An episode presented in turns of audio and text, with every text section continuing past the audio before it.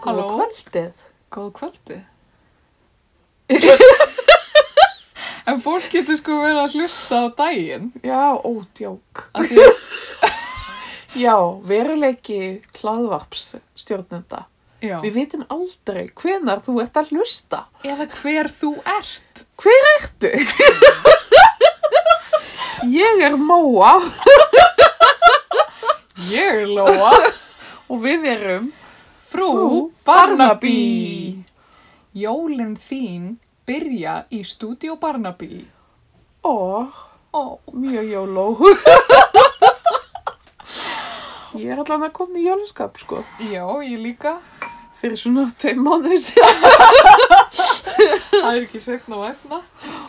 Og núna erum við ekkert með neitt tótt í raugl. Núna er það bara Straight up viski. Djók. Ándjóks. Ekkert rosa mikið en, en þú veist, smá. Viski er jóladrykkur, er það ekki? Jú, það ekki. Það er svolítið svona Þetta er alltaf. svona konunglegt fólk eins og okkur. Það voru bretar sem að kendu mér að drekka viski. Já, alveg að breyta. Já, bretar frá bretlandi. Þeir voru samt á Íslandi, sko, í Já. heimsum. Heyrðu, sem minn á það. Kalle er bara á Íslandi þarna. Já, fjárans, við erum ekki búin að tala um það. Já, Hann er bara í Hofsá. já. Já, og býtu, það var einhver sem sagði mér það að hann hefði bara oft verið að kominga, bara hverju ári eða eitthvað um tíma. Ok. Sem mér finnst mjög merkilegt að því mann ekkert eftir þessu. En Já. ég er líka kannski En ekki hvað, fætt. fa- hvað fannst þér um það, þann, þá setting? Fannst þér þetta að vera mjög íslenskt? Alls ekki. Nei, Mér finnst þetta bara ekkert íslenskt. mér, það sem ég fannst ekki íslenskt, það var, þetta var einhvern veginn svo skrítið landslag, fannst mér. Já, svolítið skói og vaksið. Það var svolítið, já, það var gróðurinn sem tröflaði mig. Svo var eitthvað svona cabin in the woods stemming hann. Já, það tröflaði mig mér líka. Já. Já. Einmitt. Höfum við heimildi fyrir því hvað þetta er tekið upp? Nei, en ég, ég hugsa Skotland svo. Mm. Já, er það ekki. En, en svo a- ætla hann síðan eitt lengur að fara í svona veiðferðir. Hann er hérna grammitsæta núna. Já, einmitt, einmitt. Hvort hann sé kannski bara hættur að fara í svona ferðir. Getur það verið? Það getur verið. Ég, Er ætla, hann vegan eða grammetis? ég held að hann sé vegan án þess að ég viti það fullkomlega. Nei. En Þurftum kannski að kanna það. Já, það er kannski áhugavert. Það er svolítið áhugavert að skoða, sko, það er svolítið hægt að fræðast á netinu um hvað konungsfólk borðar. Já. E, ég googlaði til dæmis hvað, e, hvað Elisabeth borðar. Já, kannski googla það bara. Já, ég reyndi. Var þetta bara svo, hérna, matseðlinn í leikskólanum eða? Þa, þetta er ekki svona official heimildir, en, en sem sagt, þú veist, meðan mikið af upplýsingunum ekki vera mjög svona áreðanlegar. Nei. skulum við segja, en það sem, það sem kom upp á krafsinu var að hún er ekki mikill foodie, eins og Ah, maður segir, hún er ekki mikill matmanneskja, nei. en hins vegar Filip, hann er svolítið matmanneskja og getur Nú, ok. talað um mat að eilu, Já, já. segja heimildir Mm. uh, internetsins, ég veit það ekki. En nú fyrir við bara um að breytast í eitthvað konunglegt hlaðvarp. Við ætlum ekki að fjalla um þau strax. En, en sko, hvað ætluðum við að fjalla Já. um uppálega í þessu maðvarpi? Já, sko, við, við vorum að fara aðeins yfir, hérna, það er náttúrulega fyrsti aðvendu er liðin Já, og það eru, maður er að heyra það svona utan af sér að það er allir mjög tilbúnir fyrir þessu aðvendu. til í jólinn. Til í bara jólinn, já, Mm -hmm. en samt sko án sko stóra fjölskyldubúða. Já. Er fólk svolítið að sjá það kannski í hillingum? Ég get alveg ymsið það. ég veit það ekki. Nei, já, sko, við vorum að tala um þetta í dag, ég og Matti, sko. Já. Það segi, já, æ, finnst fólki gaman í jólabóðum? Á það að vera gaman? það er nefnilega spurningin. fyrir hvern eru þau? Já, en sko það sem mér finnst kannski skemmtilegastu jólin á Íslandi, Mm. það er aðvendan. Ok. Og hvað, hvað eru svona þínar aðvendu hefðir? Eða er þetta bara svona eitthvað fílingur sem þú ferði? Sko fyrsta lagi þá er bara að það er einhvern veginn allir að undibúa eitthvað rosalegt. Já. Það er eitthvað í aðsi. Já, það er eitthvað svona spenna og venjulega er enda allt og mikið að gera. Já, það er rétt.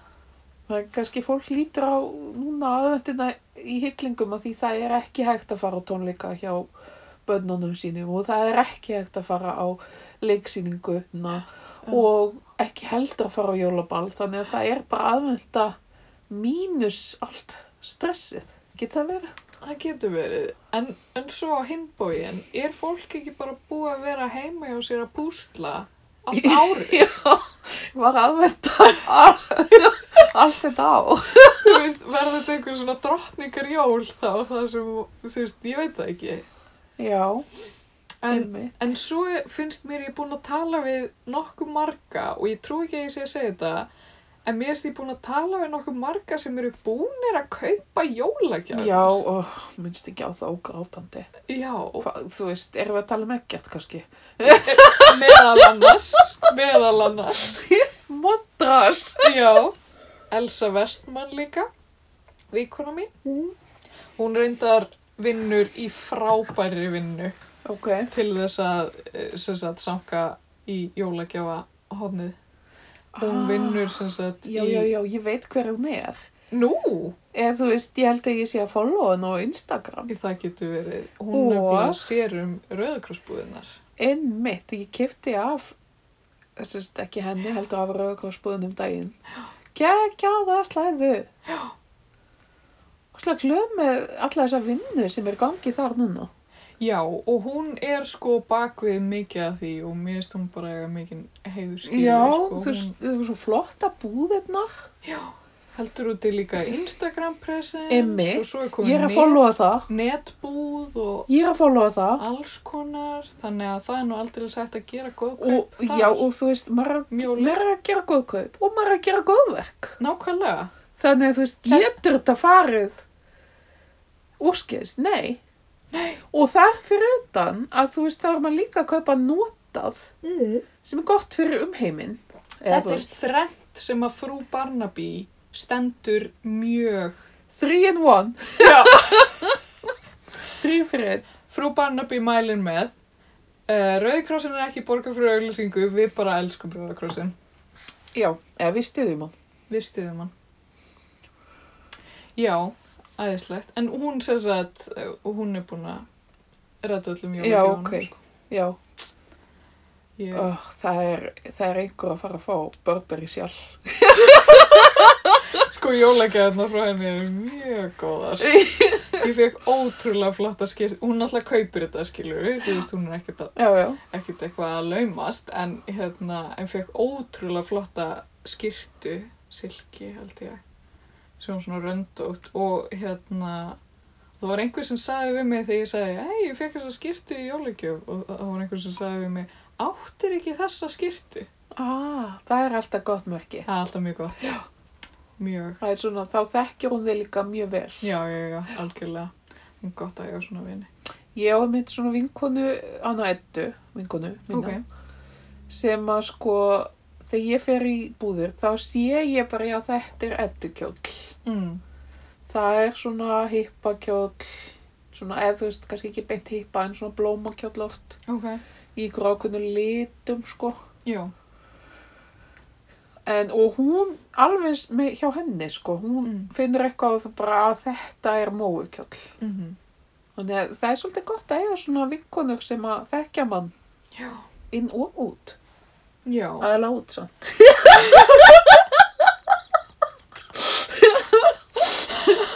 Svo er hægt að ég er sýstur líka. Ég á, ég á sýstur sem að notar svipaða stærð og ég.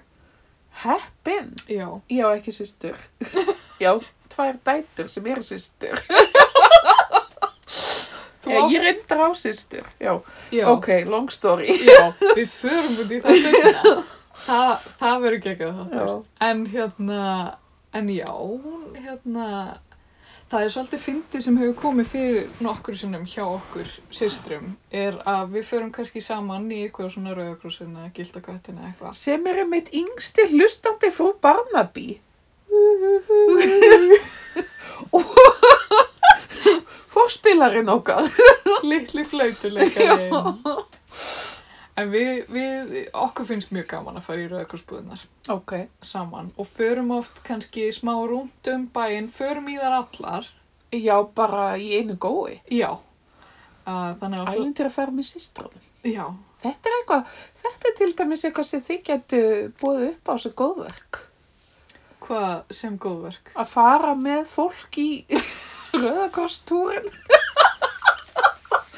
það er svo tvöfald góðverk já Við getum líka bara staðið á hlemmi og hérna pínt fólk til þess að fara í rökkvarsbúra. Eða eitthvað fyrir þess. Ég hitti mitt, litlu sýstu þína, þegar ég fór að ná í salið sem ég kefti Ah. af vinkonu þinni í Ég er rauðgráðsbóðinni. ekki hissa. bara þetta land. Og mamma mín vann líka í rökkvarsunum mjög lengi. Ok, Þannig ég á mjög mikið að tengingu við rökkvarsun. já ég skil. Við- Ég reynda nágrannu minn er í rauðgráðsum. Já, náttúrulega. Já, það þekki mömmu minna. Þetta er svo Ok, þetta, kvænt. er- þetta er bara að hljóma eins og product placement bara. Þetta er íslenskasta podcast á Íslandi. Og vinsalista Og já, á í framtíðinni. Býtu, hvað var ég að fara að segja það? Já, að ég og Ástís fórum stundum hérna í smá rúnd og erum að skoða í búðir og, Já. og hérna og, og hérna og það eru oftar en eh, einu sinni gerst að við erum að skoða einhver föt og við erum svona tiltölulega svipaðan smekk eða, eða þú veist það er einhverju núansar svona á milli en, en hérna við fýlum alveg svona svipaða hluti kannski og hérna það er oftar en ekki gerst að þú veist að við máta sama hlutin og ég er eitthvað svona eða Ástís kannski mátar eitthvað og hérna hún segir já, æ, þú veist þetta er flott en ég veit ekki og svo kaupi ég það kannski af því að hún er ekki alveg til í það Já, svo nokkur mánuðum setna er hún til í þá það? er hún svona eitthvað að falast eftir Já. að að fá í láni eða, eða svona Já, Og þá, þá segi ég, að því ég er eldri sýstir, að maður er alltaf að hlusta á sýstur sína. Skilurðu? ég sagði það allan tíman, þú ættir að kaupi þetta. Þetta ferði vel. einmitt. Svo kaupi ég það bara. En ert þú í því líka? Já, já. Já, já, ok. Þannig þetta, þe- þetta bara gagnast mjög vel í raun og öru. Já. Líka gott að eiga fött með einhverjum í raun og öru að hérna, þá, þá ný, nýtast þau vel. Einmitt. Það er hún að nota þau, ég að nota þau. Hvað svona? Það, mér fannst þetta sko gagnast mér sko með stelpunar sko. Já. Þú veist, þegar einu var búin að stækka úr þessu, þá passaði hinn í þetta. Já, það er náttúrulega fullkomið. Og þú veist, það var mér fannst, ég held að vera. Og svo er ég sko, amma mín var svolítið mikið í því að kaupa fötin rosalega stór. Oh, að ég myndi að... alveg örgulega passa í þau lengi þú veist. og ég stóð sjálfa mig að því að vera nákvæmlega eins þannig að kannski var sama, sama flíkin í gangi í nokkur á Æ, þannig að já, það er svolítið krútlegt, lítil börn í stórum fötum. ógvöð ég man sérstaklega eftir einum gallabuxum Mm. sem að amma gaf mér sem sko ég bretti upp þú veist, eiginlega upp að njám Já, og sem voru alveg hólkvíðar já, og, og ég var með eitthvað svona belti frá afa eða eitthvað sem var líka allt of langt og það þurfti að búa til gat þú veist algjört vesen og ég man sérstaklega að mér fannst þetta alveg glata og svo var amma að fara með mig og aframma voru að fara með mig í bíltúr upp í Kvalfjörð ok. sem fólk gerði þá gamla daga Mm -hmm.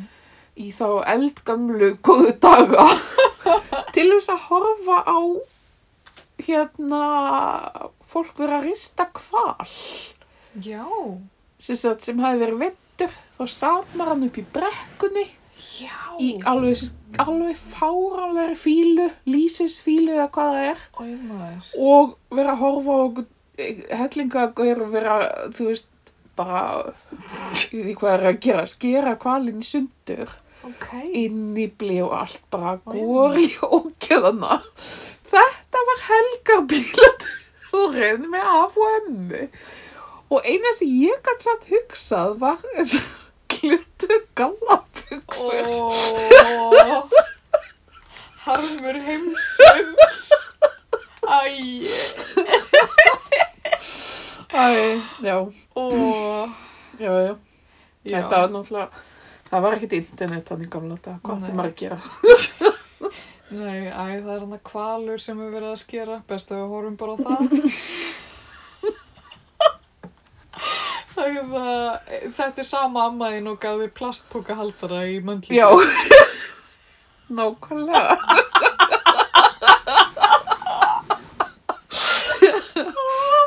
Ólef amma Söguleg, praktísk kona. algjörlega Og... praktísk út í gegn sko Já. oh, já, myndið þú fara með bönnið þín að fylgjast með því að vera uh, einhverjum mönnum að, að skera hvaðan sko ég sé það í anda að eldri dóttir mín myndi æpa af óanægju Mm. við þessu þannig að ég ég varst um það, ég kemist upp með það sko Nei, já. en það þú veist Eru börn út í dag svona degru þau get ekki hort á einn hval? sko þú veist, ég veit það ekki en d- dóttir mín gæti ekki farið í sveitaferðnar með leikskólanum að því hún var hrætt við dýrum Æ. En við s- vorum alltaf fyrir utan í fjósið, bara eitthvað einhverju auðmri ról. Þá meðan hún var bara eitthvað, nei, ég vil ekki sjá þetta lamp. Oh my god, það er ógæslega. En Reyndar hinn alveg bætti upp fyrir það, sko, en þú Já, veist, þetta já. var svona ástand. Ég skil þig. Æ. Já, en hvað sér, hvað, vorum við ekki með eitthvað þema í þessu þætti? Það var svona- Fyrsti í aðvendu. aðvendu þema. Við minnum að sjálfsögja kveðjurnar sem að eru að rannast hérna upp hjá okkar. Já, já. Það er bara endilega bætið í ef þið viljið. Já, og bara uh, hafið samband f- fyrr frekar en setna svo að þið komist eru glað. Já, algjörlega. Á Facebook eða á Instagram. Eða í persónu. Já. Eða, nei, kannski ekki. Eða má það, Já, já, það máli. Það ekki. já. Eða heitti okkur út á götu. Uh, í hæfilegri fjarlægt. Já, tökja myndra. Mm -hmm. Og spritta andrumslofti mitt okkar. Þetta eru spritaðar kveður. En já, gerir þú eitthvað sérstætt á aðvendunni? Eitthvað öðruvís en venjulega? Sko, já, það eru bakaðar smákökur. Já, hvernig? Sko, ég, við höfum nú yfirleitt, við, ég og vinkona mín tekið, ég og Tinna, vesturbæðingur. Já. Við höfum bara í pipakökubakstur. Já, Skreitt pipakökurna líka, sko. eru börnin með í því eða? Já, þetta náttúrulega byrjaði sko með þeim, náttúrulega. Já. og þetta var alveg fáránlega erfitt mann í fyrstu árin sko þá var maður bara eitthvað sveittur núna eiginlega bara sjálingarnir svolítið um þetta Já, sem er svolítið næs ok. Það hljóma þannig. uh, svo hef ég og frænka mín alltaf gert hálmána eins og amma Olla gerði alltaf Ok, hvað er í hálmónum? Það, þetta eru svona, svona hvítarkökur í læginu þessu álmónur og í, sem sagt, í miðjunni, eða sko það eru kringlóttar, Mm. eða sem að býr til kringlóttakökur Ok, og svo í miðjunna setjum maður sultu og brýtur í hálmóna já. og svo gafla maður svona endana. Ok, Þetta er svona vanilu, ég Ok. eða þú veist, með sultu svo ok. og þú veist maður bara ræður hvað sultu, ég held að amma hafa alltaf notað oh, man það allt í henni ekki. Rabba bara. Ok, En það, þú veist, við höfum oft sett hindberja og alls konar. ok, þetta er ekki í, í minni fjölskyldu, Nei, þ- þessi. nei, þetta er ekki í mörg, ég, þú veist, ég þekki fáa. Amma var með þessa hefð, sem sagt. Mm. Ég bara veit ekki mörga fleiri. Nei. Nei, Uh, en gerur fleiri smákökur einhverjar? sko, Arnar og stelpunna búið til kókoskúla. Ok, já, það er svona þeirra. Já. Uh, svo eitthvað eitthva árið var ég rosa metnaðfull að ætla að fara yfir eitthvað nokkar, fara yfir tugin í einhverjum típum á smákökum. Já, Þú veist, það mishefnist eitthvað þrjár og þú veist, já, svo enda ég bara að kaupa tilbúið deg og eitthvað. Ég var bara alveg að gefst upp á sig. ok, ægi, buguð. Maður á ekki að láta smákökurna buga sig, sko. Það var bara að vera gaman. Já, algjörlega. Þetta, er- þú veist, það er bara stemningi við að, þú veist, vera saman, Já, gera eitthvað sniðt, svona. já, það er notalegt. Borða mandarínu, Já, það er þetta líkast til hefðin sem er ríkust á þessu heimili. já, líka mér. Það er hérna, mamma hefur svolítið talað um þetta síðustu dag að, að fjölskyldan hérna á, á hérna, sem sagt, ég og sýsti mín og starkaður og, og gamla settið. Við erum svolítið, ef við erum duglega þá erum við að fara í gegnum kassa á dag. Já, já, ég er ekki hissa. Nei. Við erum þar, við erum eiginlega bara tvær sem að, tveir af fjórum. Ok, Þannig að þeir endast kannski tvo daga. ok, það er vel gert. En svo er ég mjög glöð sko að ég sjá að það var mandarinum kassi vinnunni í dag. Já. Því Ég hef svolítið verið að díla mandarinunar Já, í vinnunni undanfæri. og við erum með það svona innan á jakkanum. Já. Algjörlega. Já, já, mandarinnar eru mjög órjúvanlegu partur jólana. Já. er, þú veist, þessi mandarinu hefð, hvaðan kemur þetta? Akkur eru um mandarinu mjólin? Það er náttúrulega bara af því að uppskjara Já, er eða þú veist þær byrja að vera góðar í kringum þú veist nómbyttis. 8, Ok, 9 og, og sunnar í álfunni reyndar þú veist fyrr hvaðan koma mandarinu? Já, Spáni? meðal annars já. Já, ég neðan lítið velt þessu fyrir mér kannski. en svo sko, ég veit ekki hvort þú veit ekki eftir en sko strax einhvern veginn eftir jól Já, þá eru þar orðnar ekkit sérstaka já, emmitt. og svona, þú veist, þá eru þær orðnar eiginlega bara súrar og, og þú veist, einhvern veginn Já, og ef maður færi þær á öðrum ástíma, þá eru þær einhvern veginn svo, ég, vondar já, svona kannski bræðurlausar stundum. já, Og eitthvað, ég veit það ekki, svona linar í sér eða þú veist, ég veit það ekki, það er eitthvað. Reynda sko appelsínur sem maður fær hérna á Íslandi Já, er yfirleitt vondar. já, maður þarf að lenda á góðum, sko. En það eru reynda margir sem tala um þetta að þau skræmmet og, og hérna, eða aðla ávegstinir sem við fáum á Íslandi séu frekar svona. Þetta er bara second class Já, og stundum third. já, kemur fyrir sem er leitt, frekar leitt. Frekar. Já. Já, en ertu með aðvendu krans? Eða, eða, þú veist, eða hvað? Já, heitir það ekki krans, það sem maður er mjög svona fjögkerti.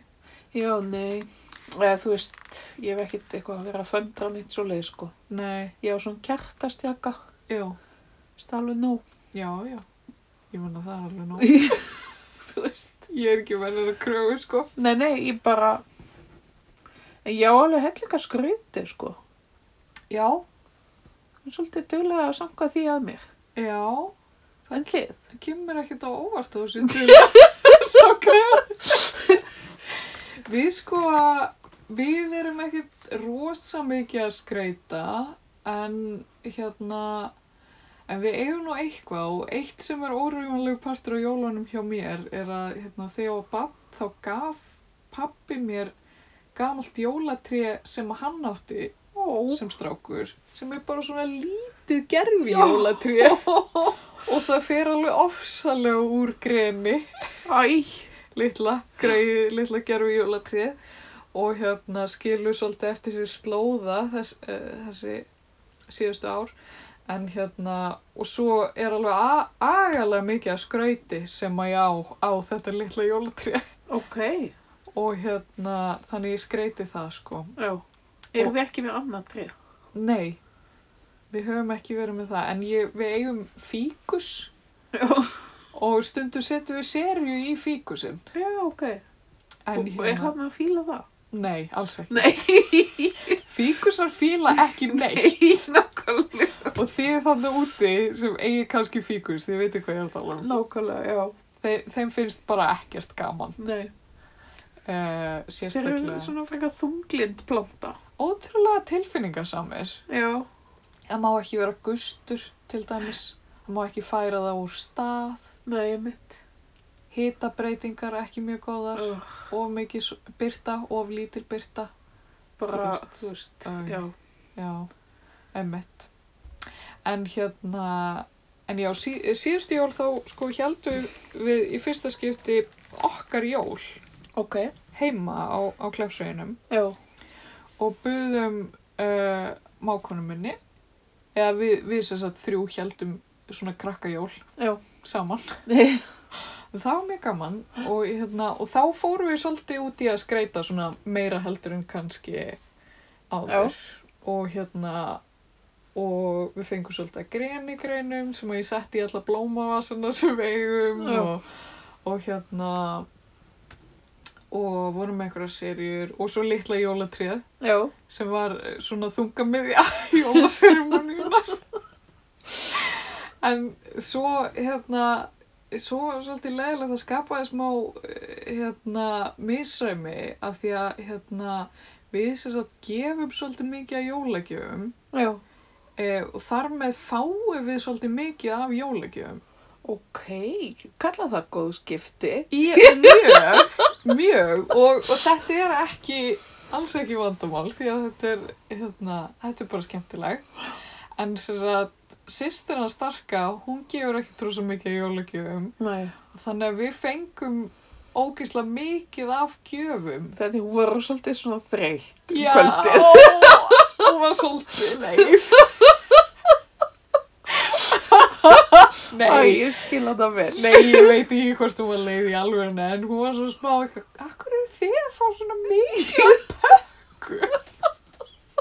Bara eitthvað, aldrei vita annað eins og við fullari fólk, eitthvað bara, fá bara pakka til pakka, já, allavega, svo er þetta líka svona með, þú veist, fjölskyld, Skilningum að fela nokkra. já, Read the room. ég hef kannski átt að gera það. Sko, ég hef lett í svakalegri svona situation. Ok, Síðustu jólin mín heima, aha, eða sem sagt með mömmu og bróðuminum Júlíani mhm, og af ömmu. mhm, Það var... ég, nei, ég veit ekki hvort það var síðustu jólum. Það var svona eitt af þessum síðustu jólum, þa- þú veist, áður en ég og Arnar fyrir að gera okkar. ok, Og hérna, þá var sérst bróð mín frekar, hann var náttúrulega, hann er á þínum aldri, hann var svona mjög ungur og... og lilla svona- baby, Já. Og alveg að deyja úr spenningi yfir jólunum. Þessi ákveðni jól. Hann hefur kannski verið, þú veist, fimm eða eitthvað. Ok. Það er Og- góðu tími fyrir, til þess að upplega jól. Já, Þegar það maður er er fimm góður ára. aldur. Mjög góður jólaaldur, skulum við segja. Og hérna, og hann er bara eitthvað að suða í mömmu Já. um að fá að opna pakka Ok. fyrir matinn. Aha. og mamma náttúrulega hvað skal, hvað skal ég segja hún er þarna með örverfi sitt Já, já. og þú veist hann er svolítið svona ljósgislin í lífinu Já, já. á þessum tíma fyr- fyrir sem nú að þú veist hún svona gefur svolítið undan og einhvern veginn aftökast það þannig að hann er bara búin að opna hellinga bókum Oh my god. fyrir matinn. Marga? Já, og ég er sko alveg að deyja, ég er svo neyksluð. Ok. Ég er svo neyksluð að mamma skuli voga sér Aha. að bara að skemma fyrir okkur jólaháttíðina og, Oh. og að, að láta allt eftir litla banninu og þú Aha. veist, bara alveg því líkt, ég er náttúrulega svo útrúlega þrosku á þessum En aldrei. byrju, hvað eru mörg ára á millikar? 17. Já, ok. Sælut. Þannig að þú ert mjög neyksluð. Ég er alveg átaklega þá neykslu og bara, oh, mamma, oh, í alvörunni, þú veist, þú er aldrei látið mig gera, leif mér þetta og þú veist þarna. Ok. Legit. Ekkert svona rosalega cool, svona eftir á higgja, en Nei, nei. þú veist, koma. Um, maður þarf einhvern tímann að vera ungur og neykslun að genn. Já, já. Ég, ég, ég er að smá enda. Svo sem sagt, á þessum árum þá sem kannski f- ennþá að ég er einmitt að skiptast á gjöfu við margar vinkonur og svona. Aha. Þannig að kvöldi endar á því að Júlían bróður minn er brjálaður að því ég er ennþá að opna pakka langt, langt frá því að hann er búinn með sína pakka. Aha. Og sko það, það var mikil sérumónía þegar við opnum pakka heima hjá afvöðum vegna þess að amma þurfti að skrifa nákvæmlega niður bókhaldið. Er það ekki þannig hjá ykkur? Nei. Nei. Ég hef aldrei heyrtu þetta. Ok, ég nefnilega hef hernt eftir ömmu sko, ég er alltaf með bókhald. Og hver gefur hvað hverjum? Já. Og svo, þannig amma var alltaf með svona litla stílabók og ég er amma sem sett í dag. Og bara, já, hvað segiru? Hvaða bók fegstu? Já, og er þetta ullarsokar? Já, byrja eitthvað að skrifa, er þetta frá henni, hérna frækkuð henni? Já, ymmit. Og svo, er, þú veist, þetta fletta aftur, já, hérðu, hún gaf þér ullarsokar.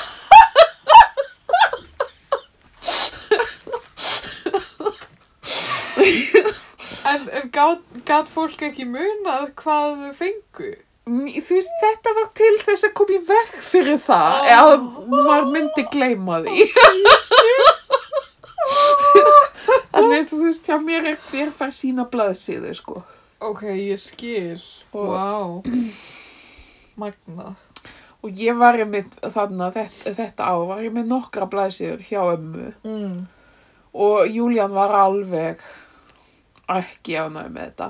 Nei. Alveg brjólaður.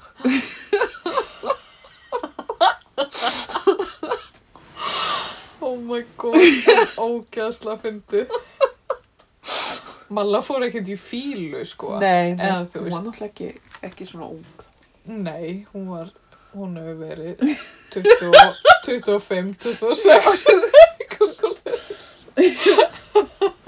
Sem betur fer, sko. Já, já. En, en sjónvasgláp fylgir svolítið jólunum, Í, algjörlega. órjúanlegu partur, kannski. Og þetta með að horfa á sjónvarpið á aðfangadaga finnst mér svolítið kósi tilugsun. Ég hef reyndar ekki gert þetta síðan ég var barn eiginlega. Af því að það er alltaf svo margt jóla eitthvað sem ég glemt að gera fram á Já. síðustu stundu. Einmitt, og þú segir það. Já, þannig, Oh, þannig ég er svo ég glad að vera fullorinn. svo leiðilegt. Oh, sko, í Fraklandi er mikið sínt af bíómyndum um Jésu frá Nazaret. Hver er það? Hann tengist þessu einhvern veginn. Ok, En ég var svo mjög fróð í svona biblíusögum. Af því þetta var bæði sínt á jólunum og á páskunum. ok, Og ég náttúrulega gleyfti þetta í mig bara eins og engin verið morgundag. ok, ok. Oh. En, en krimmar, er það jólalegt að horfa á krimma? Er það? Það eru nokkru svona jóla, þú veist, krimmar, eða þú veist, Já, Poirot, svo sagt. já, ég man eftir nokkrum jólum finnst mér úr Poirot. Já, en mér finnst líka eins og við horfum fórum ekkert tíma á bíó að sjá Poirot myndina. Já, þú talaður um það, Já, held ég. það Já, var eitthvað mjög jóló við það. já, og svona kalt úti og svona. Svo finnst mér líka eins og það hafi einhvern tíma verið jól í midsommar. Já, En ég, hefur hef, hef verið jól hjá Barnaby. ég held það sko, en þú veist, það hefur náttúrulega ábyggilega snúist svolítið um það að, að þú veist, Tom Barnaby var seitt til þess að halda jólin með, með Cully og, og Joyce út af því að Eða var... að Joyce var að klúra matnum. Já, eða eitthvað svo leis. Og verið eitthvað, ok, loksins getur pappi komið heim og haldið jólin með okkur. Já, Núna þegar hann er búin að leysa morðið. já, já, já, þarna, já. Eða eitthvað svo leiðis. En, en mér finnst reyndar, sko ég veit ekki hvort ég sé að slá saman Poirot og Midsommar, en mér Mm. finnst eins og ein jólin hafi tengdafjölskyldan verið í heimsókn og þá var, Ó, guð. og þá var hérna Barnaby eða eða þarna lauruglumæðurinn í Poirot, hann að Japp. Það er alltaf lauruglumæður Já, já, já. að hérna, hvort, að það var annarkvort Japp eða Tom Barnaby sem var svo gladur að komast út úr veisluhaldinu heima af því tengdó voru í heimsókn og voru að gera hún lífileg, Já, já, já. Já, eitthvað svona já. og fannst bara fínt að vera í vinnunni um Já. jólin að leysa eitthvað morð af því að þá þur- þurfti hann ekki að tala við þú veist tengda pappa sinn Nei, ég myndi að það er, ég myndi þetta er oft svona, þetta er, þetta er oft þemað. Þú veist, Já. fólk elskar jólinn en það samt elskar ekki jólinn. já, á sama tíma Já, þú veist, það, þessi endalsu fjölskyldubóð með þessi fjölskyldum sem þau elskar en samt ekki. já já einmitt þetta, er, þetta er erfitt þetta Já, er, og hérna og líka þetta svona huggaskonspirasi eins og við töluðum um já, þá að vera huggulegt um jólin einmitt. Og það er einmitt, er ekki oft mjög margir sem finna fyrir bara mjög, bara alvarlegu þunglindi á þessum ástíma. ábyggilega eða ég ekki tímið með það Á norðurslóðum er náttúrulega mjög dimmt Já, sko, ég var að segja það, ég finn fyrir svolítið skamdegi snögglendi, sko. mér erist erfiðar að vakna á mótnana verður ég að segja Já, Myrkrinu. ég sko, ég tek eftir, eftir því sem ég eldist, mm. þá hugsa ég meira um skamdegið. Eða það hefur einhvern veginn meiri áhrif á mig. Guð, ég, þegar ég var í FB þá uh, laði ég stund á listasögu Já, og hérna sem að ég hafði mjög gaman af en hérna en listasögukennarinn, mjög skemmtileg kona eða já og ég veit ekki hversu gaman hún hefur á því að kenna listasögu hún allavega hún hafði svolítið unun að því að segja sko eða ég veit, já hún, hún sagði allavega rosalega oft þú veist, þegar fór að eh, hérna, líða á veturinn þú veist, þetta er, allir sitja saman í myrkrinu og við erum að horfa á einhverja slæts um, þú veist, einhverja endurreisnar meistara, uh, málara meistara já, og svo er hún bara, já, Caravaggio, hann var hérna þetta og hitt og æ, skamdegið. Æ, Þetta var svolítið svona, svona trega eða svona þrungin stund Ó, alltaf og Guð. hún horfði svona út um gluggan og sagði, æ, skamdegið. trega fulli listasögukennarinn. Já, Já, ég finn til með þeim. já, Ég held að ég sé kannski bara svolítið með þetta sama á hún. það getur verið. Svona ég sko, ég er á nýja úrunu mínu sem er enda batterislaust núna. eins og og þessi nútíma úr Já. Þá get ég sko séð hvað eru margir klukkustundir að byrtu á dag. ég held að það sé ekki aldurinn sem er að gera þið þunglinda það er úrið þitt Nei, það er myrkrið. það er bara að þú ert svo meðvitið um myrkri af því að þú sér það alltaf á úrinu þínu Nei, Þú veist, það er byrta á úrunu. oh. Fimm tímar, 45 myndur. það er ekki langu tími Það er byrtan. Nú, akkurat núna. Æ, Er enda aðeins minna. já aðeins minna Ok, nú komst, þú komst, tímar 35 þú komst upp um okkur anskotin. Við erum-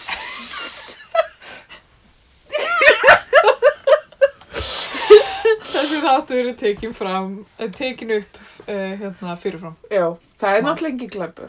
Það er Það, ekki, það hefur ekki. við megum það Já.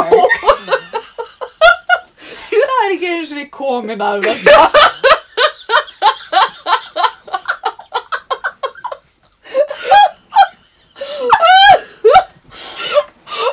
Skotin Svænhund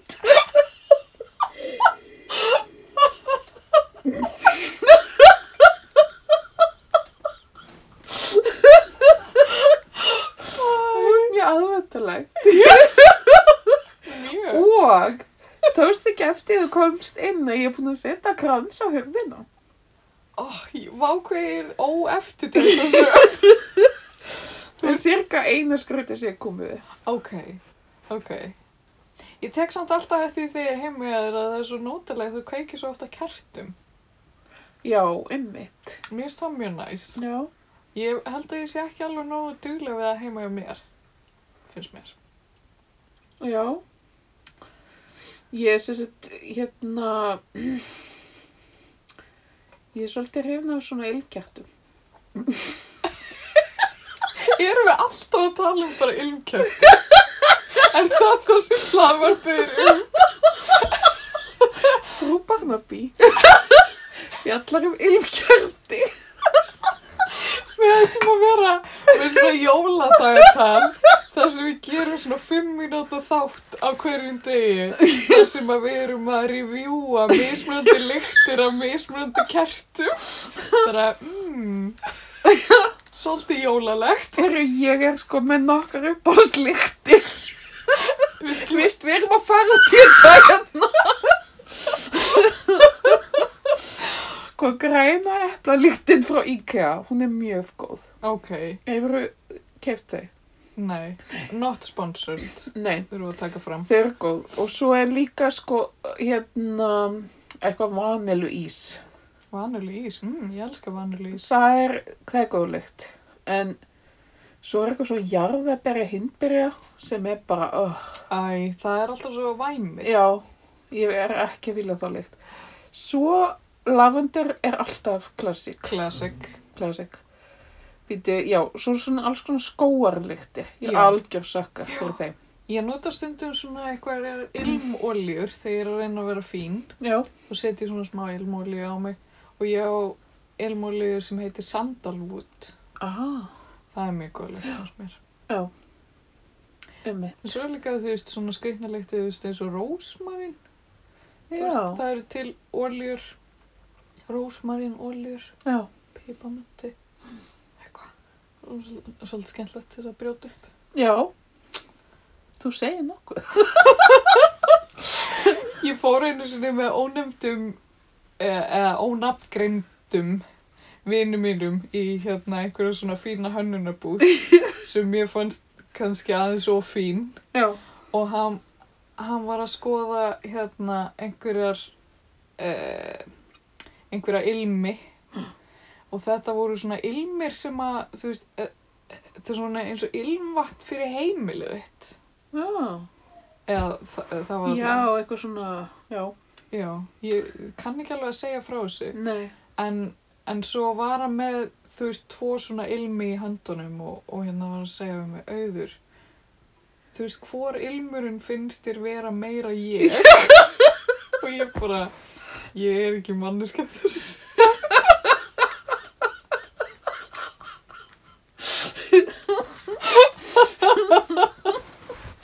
þarna hefði ég geta komið að gagna. Já, a- algjörlega mest hvað ég er svona lítilfjörlega í þessum efnum Líktir þetta er alveg dásamlega merkilegt fyrirbæri.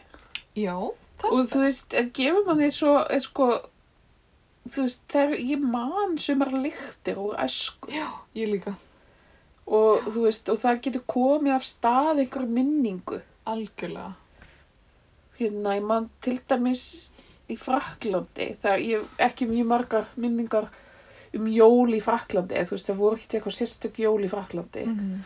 En kastaníunetur, brendar kastaníunetur, þá fæ ég svona franska, Já, jólafýlingin já, Já, einmitt. um, reykingalikt. Já. Þú veist, það var mjög mikið þegar ég var alveg upp í the 80s. það bara reyktu allir.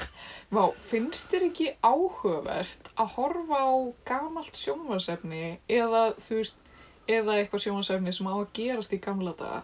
Það er alltaf allir að reykja. Mér er svo skrítið að sjá þetta núna. Því maður er ekki vanur því að allir Já, sé alltaf einmitt. reykjandi. Sko, já, ég nefnilega ólst upp við þetta. Og þess vegna er ég ofta að segja við stelpunnar mínar, þú veist, hvað luxuslífi þær lifa. Já, Að þú veist, þær bara, þær, ef það er eitthvað að reykja hínum að við götuna, þá fara þær bara, þú veist, Jesus, snowflakes. Ha? Þessi millennial, eða þær eru reyndar ekki eins og millennial, þær eru yngri. þá þær er seta. Já. Hvað er millennials aftur lengi? Sko ég Er þú það? Ég held að ég sé millennial. Uh, og ég held að millennial ná alveg til 90, og- eða þú veist, fólk sem er fætt 95 eða eitthvað svo leis. Já, ok, vó. Eða eða ég veit ekki, ég held nefnilega að sýsti minn sé líka millennial. Já. Og hún er, hérna, nei byttu, hún er alltaf fætt 98, hvað er ég bylla? Kannski er þetta bara til 2000. 98. Jú, um mitt. En já, ég, hérna, ég var svolítið í sjokkið þegar ég komst að því að ég var í millennial af því að ég hafði alltaf verið að lesa einhver svona greinar um, um þessa helvitis millennial sem er alltaf svona og svona svo, Já, og ég var eitthvað, já, þetta nú býti er neikvað umræð um þau. Já, eða á tímabili var svolítið mikið verið að tala um þessa millennials og þeir eru svo kröfuharðir og alltaf að gaggrina allt og, og þú veist og vil ekki fá einhverja rasista til þess að halda ræður í skólanu þeirra og eitthvað og Já, þessi er mjög gröfuharði. Já, nei, þú veist, svona, svona er alltaf eitthvað umræðan, eitthvað að helvitis, kallaða snowflakes, Já, að þið þóla aldrei neitt, mótlæti eða neitt svona, Já, já. finnst allt vera rosalega triggerandi, já, ok. þú veist, það má ekki tala um ofbeldi, Já, eða þú veist, eitthvað, eitthvað svona, sem ég er enda mjög mótfallin þessari umræða, því að þú veist, þá kannski bara ekkit, eða þú veist, rasistar eiga kannski bara ekkit með að vera að halda fyrirlestra í skólum. Engan veginn. Nei, alls ekki. Þannig að þú veist, já, en, en svo komst ég að ég er millennial og þú veist það, já. En, en svo komst ég líka að því að yngri kynnslóður gera grína millennials Já, um mitt, ég hef heyrt það svolítið frá oh. dættum mín. og þá er ég bara, þá finnst mér svolítið illa að millennials vegið að þú veist, eh, það er ekki hægt að gera neitt rétt, greinlega. Sko, ég get ekki sýnt þér neina samúð. Nei. Svo, ég er af kynnslóð sem hefur bara fengið skýtkast. Ok, Ex-kynnslóðin. já, sem sagt hugsunarlausasta kynnslóðin til þessa æjajaj, uh, þú veist, nefndu það við erum með þá galla ok, en ég veit það ekki, kannski tengi ég bara ekki sérstaklega við kynnslóðina mína nei. Æ, er þetta ekki bara eitthvað byll maður? líka, þú veist, er þetta ekki bara til þess að vera komingur fórtum á fólk Jú, ætli það ekki. Og ætli þetta sé ekki líka, þú veist, þessi kynnslóðarjúr sé ekki líka bara svolítið tilbúningur. Bæði hjá fólki og hjá fjöl, fjölmiðlum. Svona eins og að sé verið að, að hérna, búa til að, að Kate Middleton og Meghan Markle sé einhverja óvinkunar. já, Er það ekki einmitt bara tilbúningur? já, bara svo oasis og, og hana Já. Hinn er Er það ekki Oasis og Oasis? oasis og, og hérna, ég mun glemja hvað að heita Coldplay? Nei. hann hann að oh, Jesus, það Hinn er alveg hana. dóttur já já eða Rolling Stones og Beatlanir Á já. þú veist, er þetta ekki allt, er ekki allt að vera að etja fólki saman Jú. þú veist, eins og hvað ættum við að hafa á móti hver annari þú veist, við erum með tveim mismunandi kynnslóðum hérna því þú ert að kynnslóð sem gerir kröfur Já. um þú veist, og Réttlæti? Og við gerum, við erum bara í hvað? Kapitalism. ég veit það ekki, ég veit ekki hvað þið Ég standi er þetta ekki síðasta kynslaðin sem að var, er alveg sama, að ég veit það ekki. Sko, Ég fyrir kannski að kanna þetta aðeins. hvað eigum við að hafa á móti korona? Já. Er hérna, er ekki svolítið internetið sem að stendur á milli okkar út eða þú veist, ég er að þeirri kynslu að ég man frekar lítið eftir tímanum það sem að internetið var ekki til. Eða þú veist, ég var svo lítil þegar internetið Ég var ekki vil til. mistra á miklu maður. Nei, tjók. Það var alltaf þetta með kvalinn og þú veist að það. Við vorum alltaf bara að fara í kvalfjörð og sjá einhverja menn skera kvali. Ég er þess að minnum á það að, sem sagt, ég man því ég fekk, sem sagt, fyrsta e-maili mitt. Ok, frá hverju? Háskólanum, sko. Og ég var í þjóðbókliðinni. Varst í háskólanum þegar þú fyrst fyrsta e-mailið? Já. Oh my god, Móa. Þú ert svo Ég er gömul. 105. Ég er 105. og hérna, ég man svo vel eftir að setja fyrir framann tölvuna hérna í þjóðbóklinu og hugsa, æ, hvað ætti ég að vera að skoða á þessu interneti?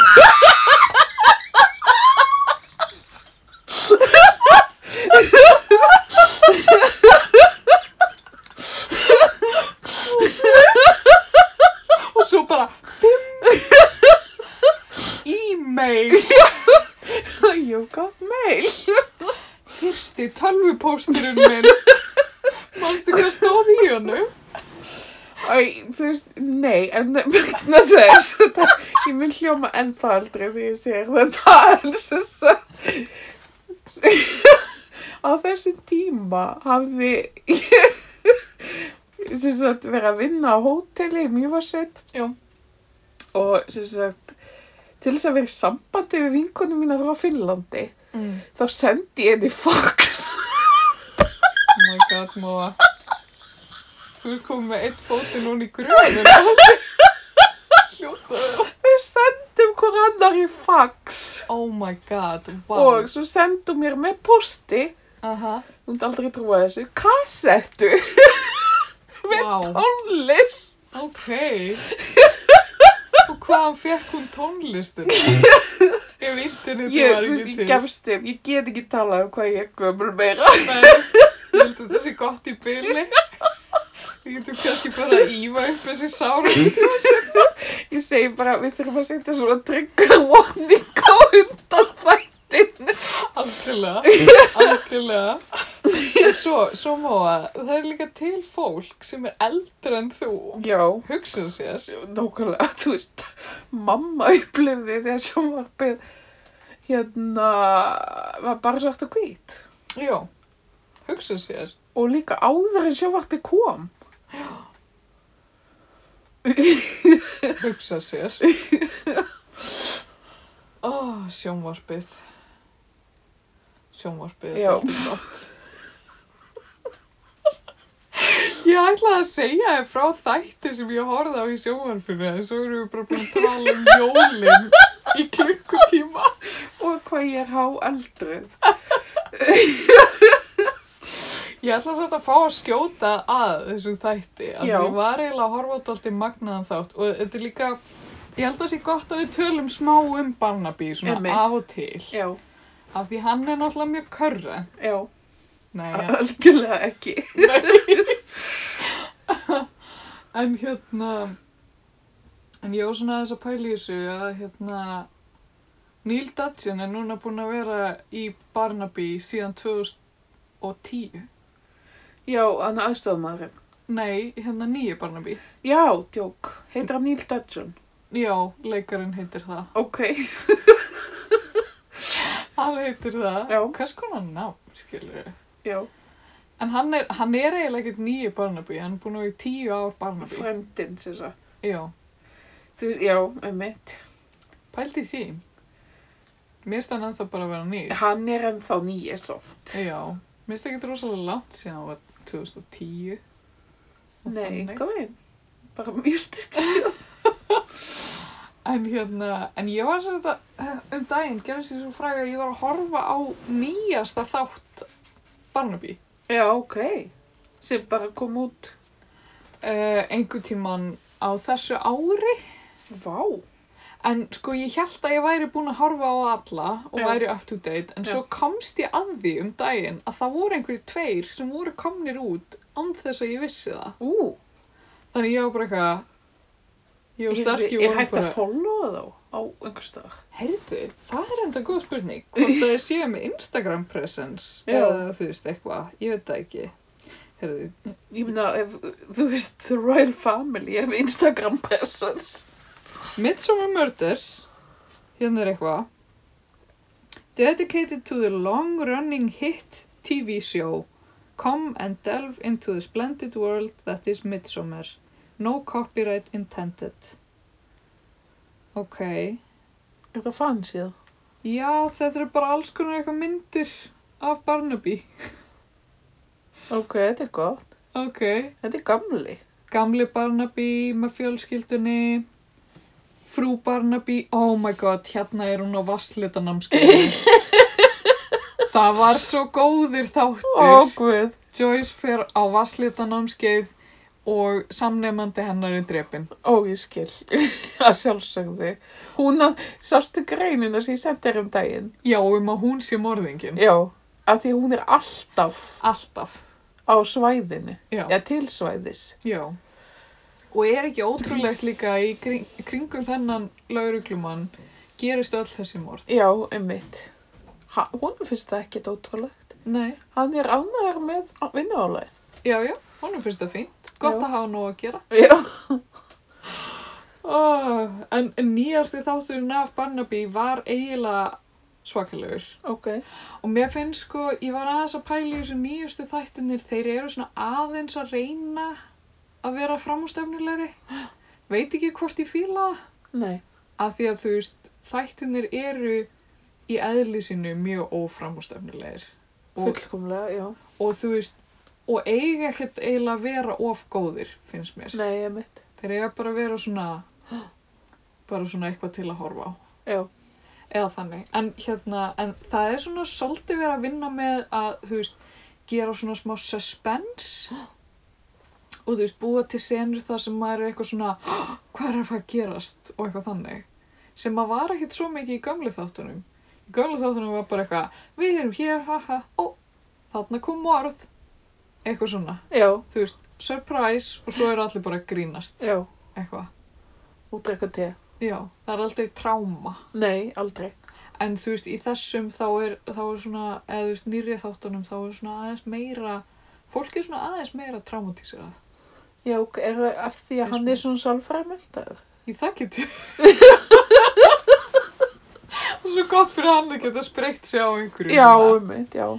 En það eru einhverju svona alveg ótrúleg mótíf sem koma fram í þessum nýjasta þætti af Barnaby. Það er sem sagt, eh, það eru þessar keppnir Já, Það eru alltaf keppnir. En, en sem sagt, í þessum þætti er bæði fiskveiði keppni og hlaupakeppni í gangi á sama tíma í sama bæ. fiskveiði og hlaupakepp. Já, og það er rígur milli þeirra sem er að keppa í hlaupakeppninni og þeirra sem er að, að hérna, En keppa þú í... veist, hlaupakeppni, er þetta ekki bara eitthvað svona marathón? Jú, þetta er bara svona, já, já, ég meina þetta er bara eitthvað svona marathon, eða þú veist eitthvað svona, hver er, heyrðu, nei, þetta er ekki eins og í hlaupakefni, þetta er svona þrautabraut. Ó, ok.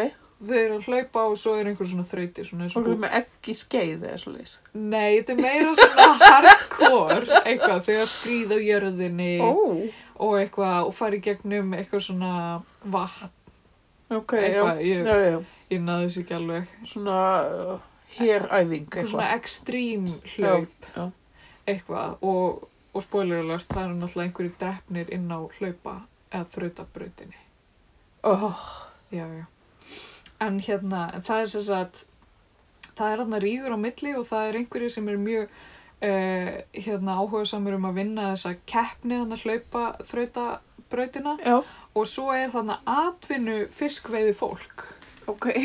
sem að bara hljómar eins og algjört bull Já. hljómar ekki eins og eitthvað sem fólk gerir en hérna þannig mætt eitthvað fólk sem að sem gerir það að atvinnu að hérna að fara eitthvað út um allt að veiða og eru svo með eitthvað svona Instagram presence eða eitthvað Ah, býtu, eru samfélagsmiðlarnir komnir inn í Barnaby? Já, Hó, hó, og þannig er einhver veiði ég kona er óvart talað þessu jólasegni. Ó, ó, ó, ó Hó, hó. Þú sést ekki svona aðvendu viðbrá. Ok, mjög gott, mjög gott. Við erum að vinna meira með þetta, held ég.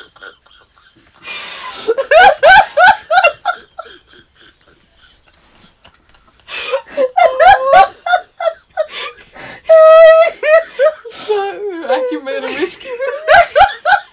Það er alveg ljóst.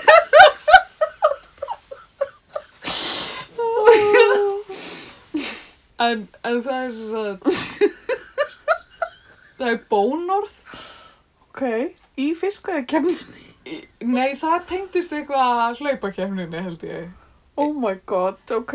eða eitthvað og, og þú veist, þetta er eitthvað svona public bónorð En þú veist, e, það er alltaf eitthvað hátíð, eitthvað svona gerast. En Já. það vendur að vera tveir hlutir að gera. ég veit það ekki, það er eins og þessi að að running out of ideas eða þannig Ef þeir sem er ofgnótt hugmynda. já, já eða bara við erum búin að hafa þú veist, póló keppni, við erum búin að gera krikket Búin að bjóðháttíð, búin að hafa fólkháttíð, já, uh, hillingsmyndaháttíð, já ostaháttíðin. uh, eitthvað svona upplestur skaldsagna upplestur Já, bókmöndaháttíð. uh, bókaklúppur, Já, já, já. það var góð þáttur Já, þar sem einhver átt að koma að lesa upp í bókaklúbnum í óþökk nokkra meðlum að bókaklúbnum ok allavega það er bónorð og faðir brúðarinnar er ósamþykkur því að þau giftist oh, surprise, surprise. surprise uh, það, er, það kemur í ljós að það er gamalt morð sem að var covered up Já, auðvitað. auðvitað og, og maður veit að gamla morðmálið tengist alltaf nýja morðmálið Always, ok. og hérna en það eru þarna, það er fa- eh, greinilegt faðurnismál eh, það eru þrjú morð í þættinum Þrjum árið þetta er nú eitt utan. já og Ok. það finnst lík í fristikistu Oh, daldi kósi eh, og, og það er gamall lauruglumadur sem hjálpar Barnaby við að ok.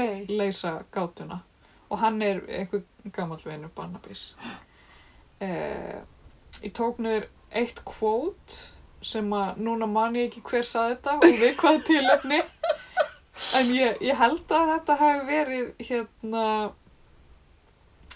eh, þegar kemur í ljós hver morðingin er þá hérna þá segir einhver við einhver I don't care about that you've murdered three people Það morði ekki eitthvað svona að reyna að afsaka sig. Já, ok, já. Mér er alveg sama um, Ástæðurnar, já, skilur við. ok. Já, og svo, þú veist, þetta, þetta snýst eitthvað um hemd. Það er, það er dóttir sem ferðast um heiminn og sendir postkort heim. Já. Er hún í raun og vera að ferðast um heiminn? Ah, Eða er hún á hafsbótni? Veit það ekki. Það er kokkur með kvíðavandamál. ok. Það er veiðarfæra búð sem gengur illa. Eitt líkið finnst líka þar inni. Með ungul upp í sér. Nei, reyndar í ormatunnunni. Ó, guð, Já. góri, Svolítið ógislegt. Já, þetta er nefnilega meira góri heldur en vennilega. gömlu þættinni. Já, ok.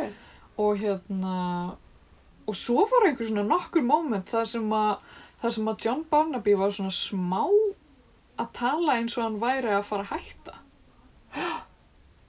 En þú veist, svo segir hann eitthvað í lok þáttar en eitthvað, nei, nei, nei, ég ætla sko ekki að hætta. Hvernig drifist hann? Já, ég meina, En þú veist, eh, sést eitthvað í bannið hans hana? Uh, Eh, já, gott ef ekki. Hún, hún kemur eitthvað á hátíðina, held ég, þú veist, út af því að það er þessi keppni og, og ég held sko að aðstofamaður Barnabys hafi verið að taka þátt í hana þrautabrautinni. Já, þetta. Það er svona voru þau eitthvað þar, sko. En þau get ekki látið hann retæra og hann á, þú veist, fjögur ára gamalt bann. Já, og hvernig ætlar hann að sjá fyrir fjölskyldinni? Ég segi það. Og svo líka, hvernig myndu þið tækla það að velja næsta Barnaby þar það að vera frændi þessa Barnabys? Emmitt. Eða þú veist, eða getur það verið, getur, getur það loksins verið frú Barnaby? Já, Það væri geti svolítið- Kölli komið tilbaka. Kölli Barnaby. Búin að finna karýr sem að hendar henni Það gefast upp á leiklistinni Já, hvað með góður, skilur og bara komin í, sitt, í sína köllum. Frábært, frábær hugmynd, Móa. Eða, sko, Sara... Ég var að senda þeim þessa hugmynd. Já, en sko, Sara Barnaby gæti líka verið mjög góð. Hún er skemmtileg leikona og, hérna, og er mjög útsjónasum. Já, ok, ég pína svona, ég veit það ekki, minnst það með eitthvað pínu peró. Finnst þið það? Já. Vissur að eina ástæðan fyrir að þau voru látin eignast barn var út því að hún varð ólétt í alvörinni. Nei, í alvöru. Já. Oh my god, að því ég, ég var einmitt að spá í þessu. Ég er skrítið. Við, hérna, við tinnar vorum mikið að spá í þessu, þú veist, að því að hún er, já, hún er svona basically, já, En hún varð, hérna, varð ólétt og er í alvörinni frekar, eða svona frekar gömul til þess að vera móðir, eða þannig. já, En sagan að baki, eh, er ég náttúrulega búin að lesa, að, hérna, að hún var í löngu sambandi, eh, var gift manni, svo skilja þau og hún byrjar í smá tíma með einhverjum yngri gaur, bara gott fyrir hana skiljur en hún verður ávart ólétt og sko bara eitthvað rétt áður en þau hætta saman ó, en ákveður að eiga barni og, og það þessum, erum við bara dásan, já, emmitt bara, já, bara flott hjá henni gott að henni. en þess vegna egnaðist Barnaby þessari litlu stelpu Betty Barnaby Já, Betty, kannski geti Betty Barnaby verið lauruglukona líka já, ég myndi, ég myndi á að héti Molly, en sko, talandi um þessi nöfn, ég var að reyða það eitthvað. Þetta er hvað, svo óendanlega, þú veist, tilfinnanlega, uh, ómerkilegar nafngiftir. John og Tom meinarðu? Já, þú veist, eða, já, varst að eignast hvað dásalegt til hamingi, hvað heitir hann? Sam. já, okkurlega ok Bara Sam Hudson, eða þú veist, já já, ok, þú veist, það er einhvern veginn, á meðan þú veist, það kemur bara eitthvað, já, hann heitir Sigurbjörn Aðalsteinn, eða Já, Sigriður Marja, þú veist, já. Emmitt. og nú er ég ekki að reyna að vera með einhverja þjóðrempu, en þú veist, það Nei. er einhvern veginn, mér er sér í Fraklandi, þú veist, það eru uh, náttúrulega tískubilgjur þar og svo leiðis, en þú veist, það er einhvern veginn bara, þú veist, fallar en upp. ok. Nei, eh, Verpum þessu fram. Já. Eru bresknöfn ömuleg? né- Þú veist, það er bara svo, Bá. já, Já. Já, ég er alveg sammála. þú veist, maður er búin að ganga með barn í nýju mónuði og bara, hvað, ætlar Molly? Hún heitir ekki Molly, hún heitir Betty. Já, eða ok, Betty. Þú veist, Já, nei, emmitt. En þú veist, eru breytar ekkert með millinöfn? Af því nú finnst mér, þú veist, ég veit ekki hvort það eru breytar eða, eða bara erlend fólk.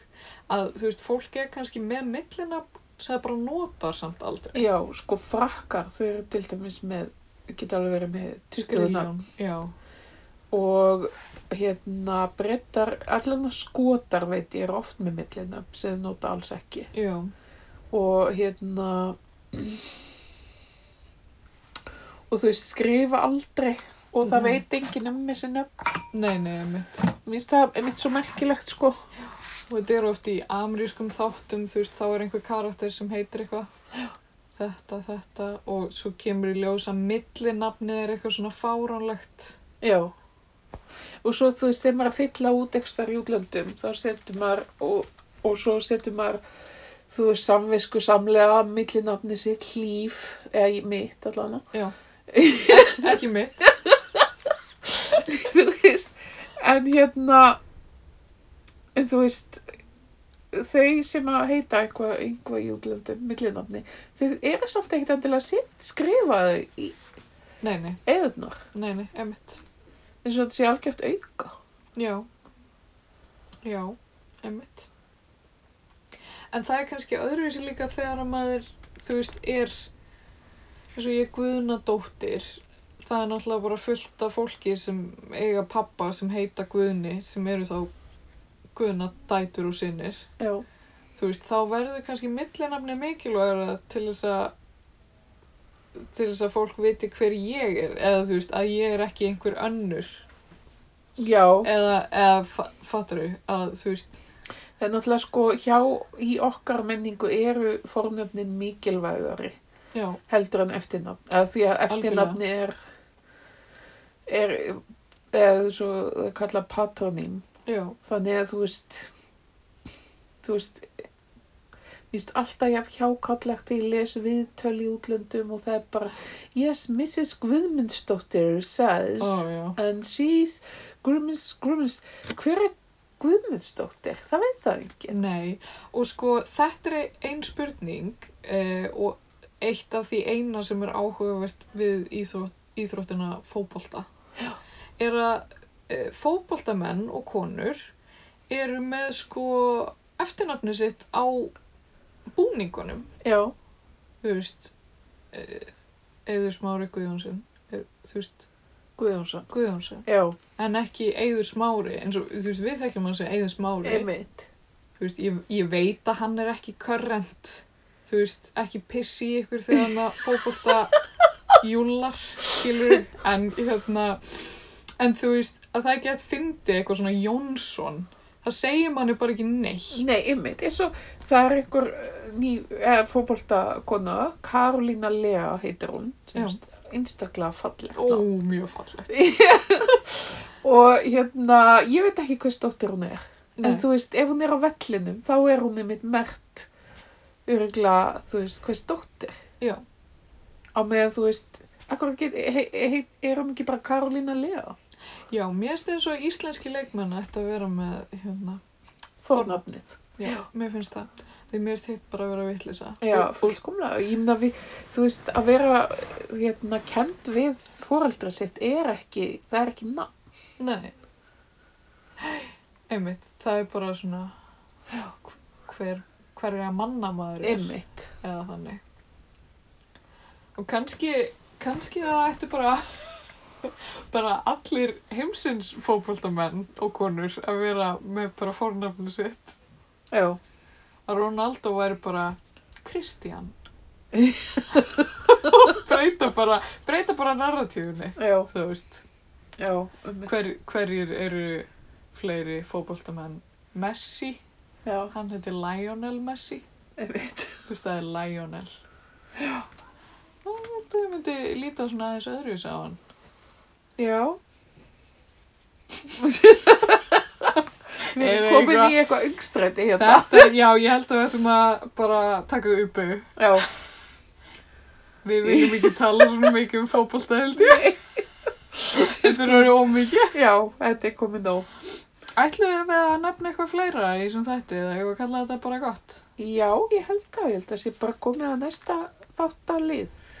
Heyrðu, fyrirgeðu, ætluðu við að tala um krán eða gerum við það setna bara? Já, Ég held Við- við, verðum að geima það bara. já, það verður bara að geima það í þetta skiptið. Já. En við munum koma þrý eldar tilbaka Já, og ræða viðbrögð krán já. setna á aðvendunni. og hvað breyt, Viðbrögð við krán. viðbröð okkar við krán, viðbröð breyta við the crown, Og viðbrögð fjölskyldunar. já, Eða ekki? ú, alls konar viðbröð. Já. ekki láta ykkur bregða. Hei!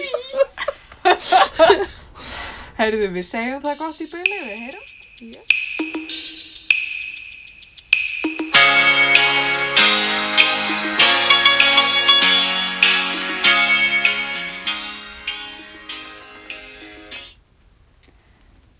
Góða kvöldið.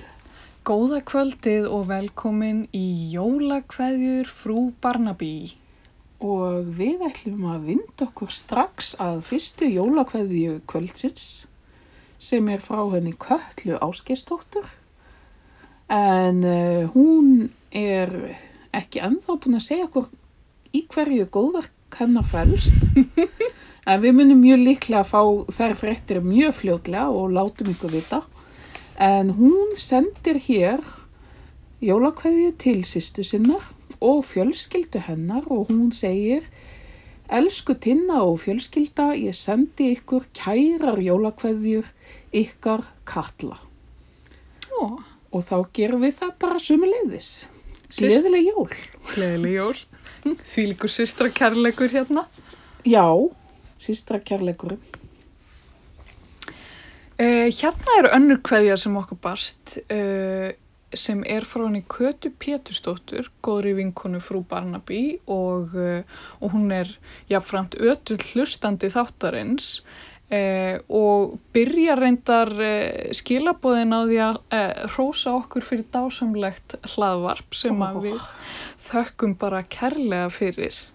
En hérna, hún ætlar sér satt að senda uh, jólakveðju sem hljóðar svo Elsku Halla Kristín, Brendan og Hekla Sólilja, okkar bestu óskir um gleðileg jól og gæfuríkt ár. Sjáumst vonandi sem fyrst.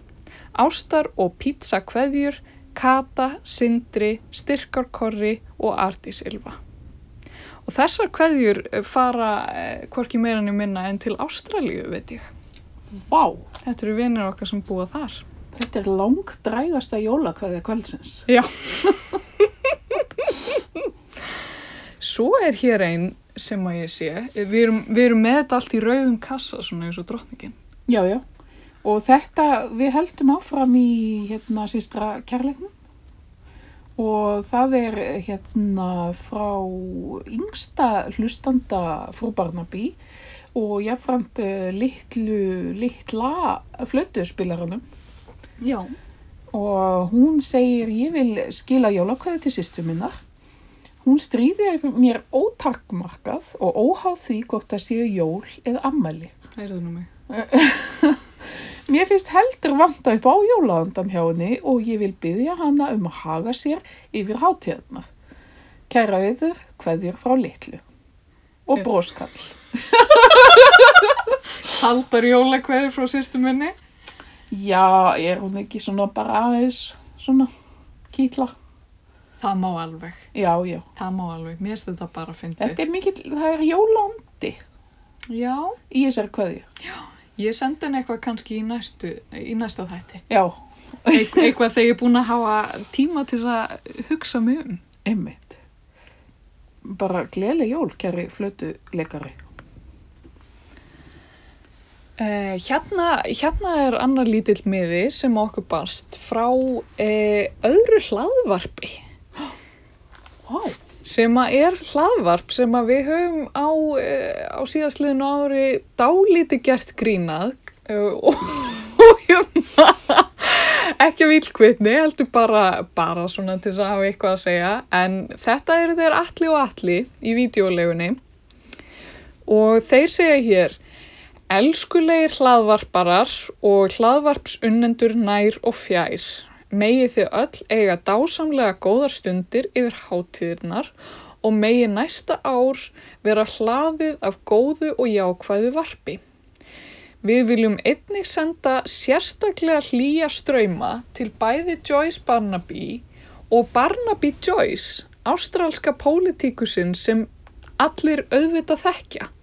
Jólakveðjur, alli og alli í videolegunni. já.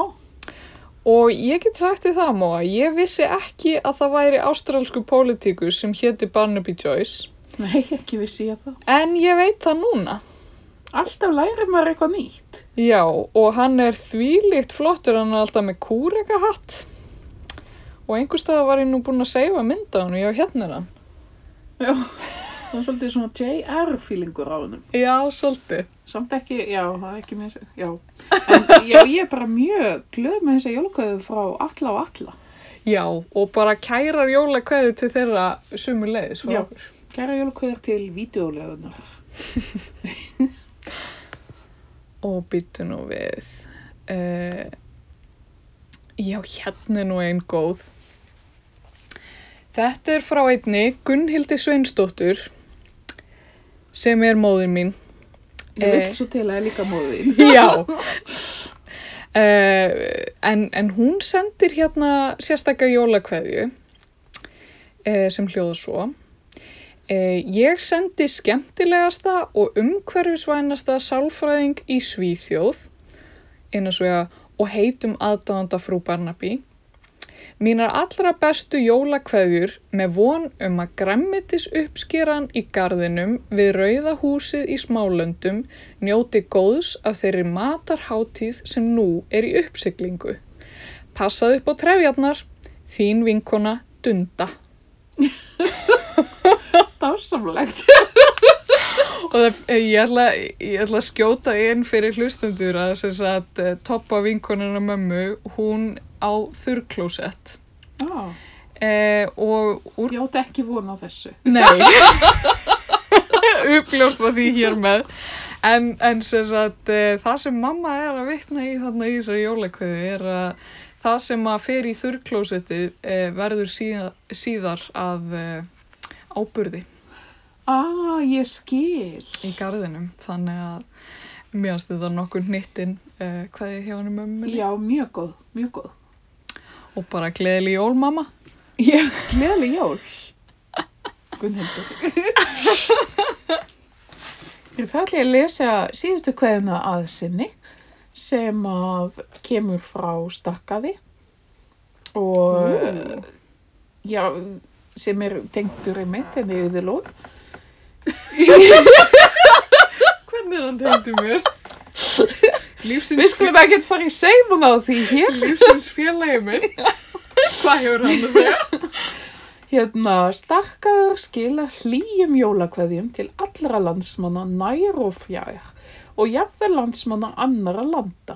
Til allra þeirra sem þurfa að húka heima við e-mailin en líka þeirra sem hafa þurft að fara út úr húsi til að sinna okkur hinum.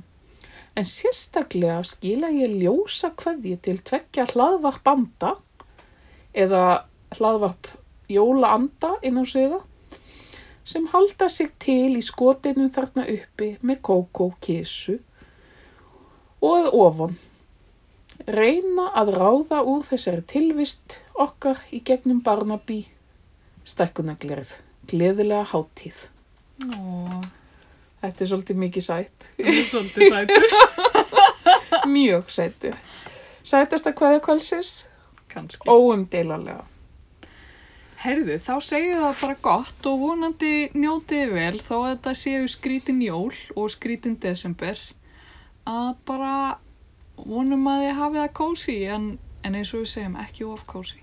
Hafið það gott og endilega sendið fleiri jólakvæður og gerið fleiri góða.